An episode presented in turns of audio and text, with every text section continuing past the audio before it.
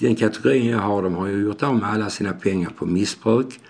Och de tror väl när en god man och förvaltare kommer in så ska det bli mycket bättre. Alltså räkningar på något sätt ska betalas alltså och pengar ska vara kvar. Och det blir en tvärstopp för pengarna försvinner till betala räkningar, det är mitt uppdrag.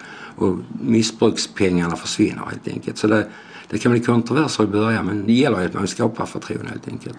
Ja, det kan bli bråk om pengar ibland. Och Gunnar Andersson tycker att det kan vara jobbigt att vara god man. Men han tycker också om att kunna hjälpa den som behöver det. Idag är det frivilligt att bli god man, men många tvekar att ta ett sådant uppdrag. Så är det särskilt om den som behöver hjälp är våldsam och hotfull.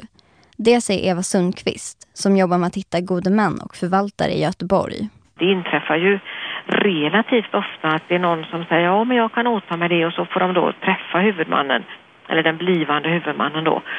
Och då konstaterar de att nej, det där kan inte fungera. För det förstod jag av det mötet att det kan inte bli någonting. Så att jag åtar mig inte det. Politikerna i regeringen vill att det här med gode män och förvaltare ska fungera bättre. För då kanske fler kan tänka sig att bli gode män. Regeringens utredare ska komma med sina förslag på torsdag. Eva Sundqvist, som du hörde nyss, har ingenting med utredningen att göra.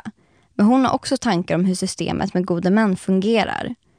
Hon tycker att det fungerar dåligt med att frivilliga ska ställa upp och tycker att det borde finnas en myndighet med särskild personal som kan jobba med att ge sån här hjälp istället. Vi är nog rätt många som tycker att man skulle titta på om inte det skulle finnas en möjlighet att en, en juridisk person, en myndighet kanske skulle kunna utses till förvaltare, det vill säga att det var tjänstemän som i sin tjänst hade att utöva förvaltarskap.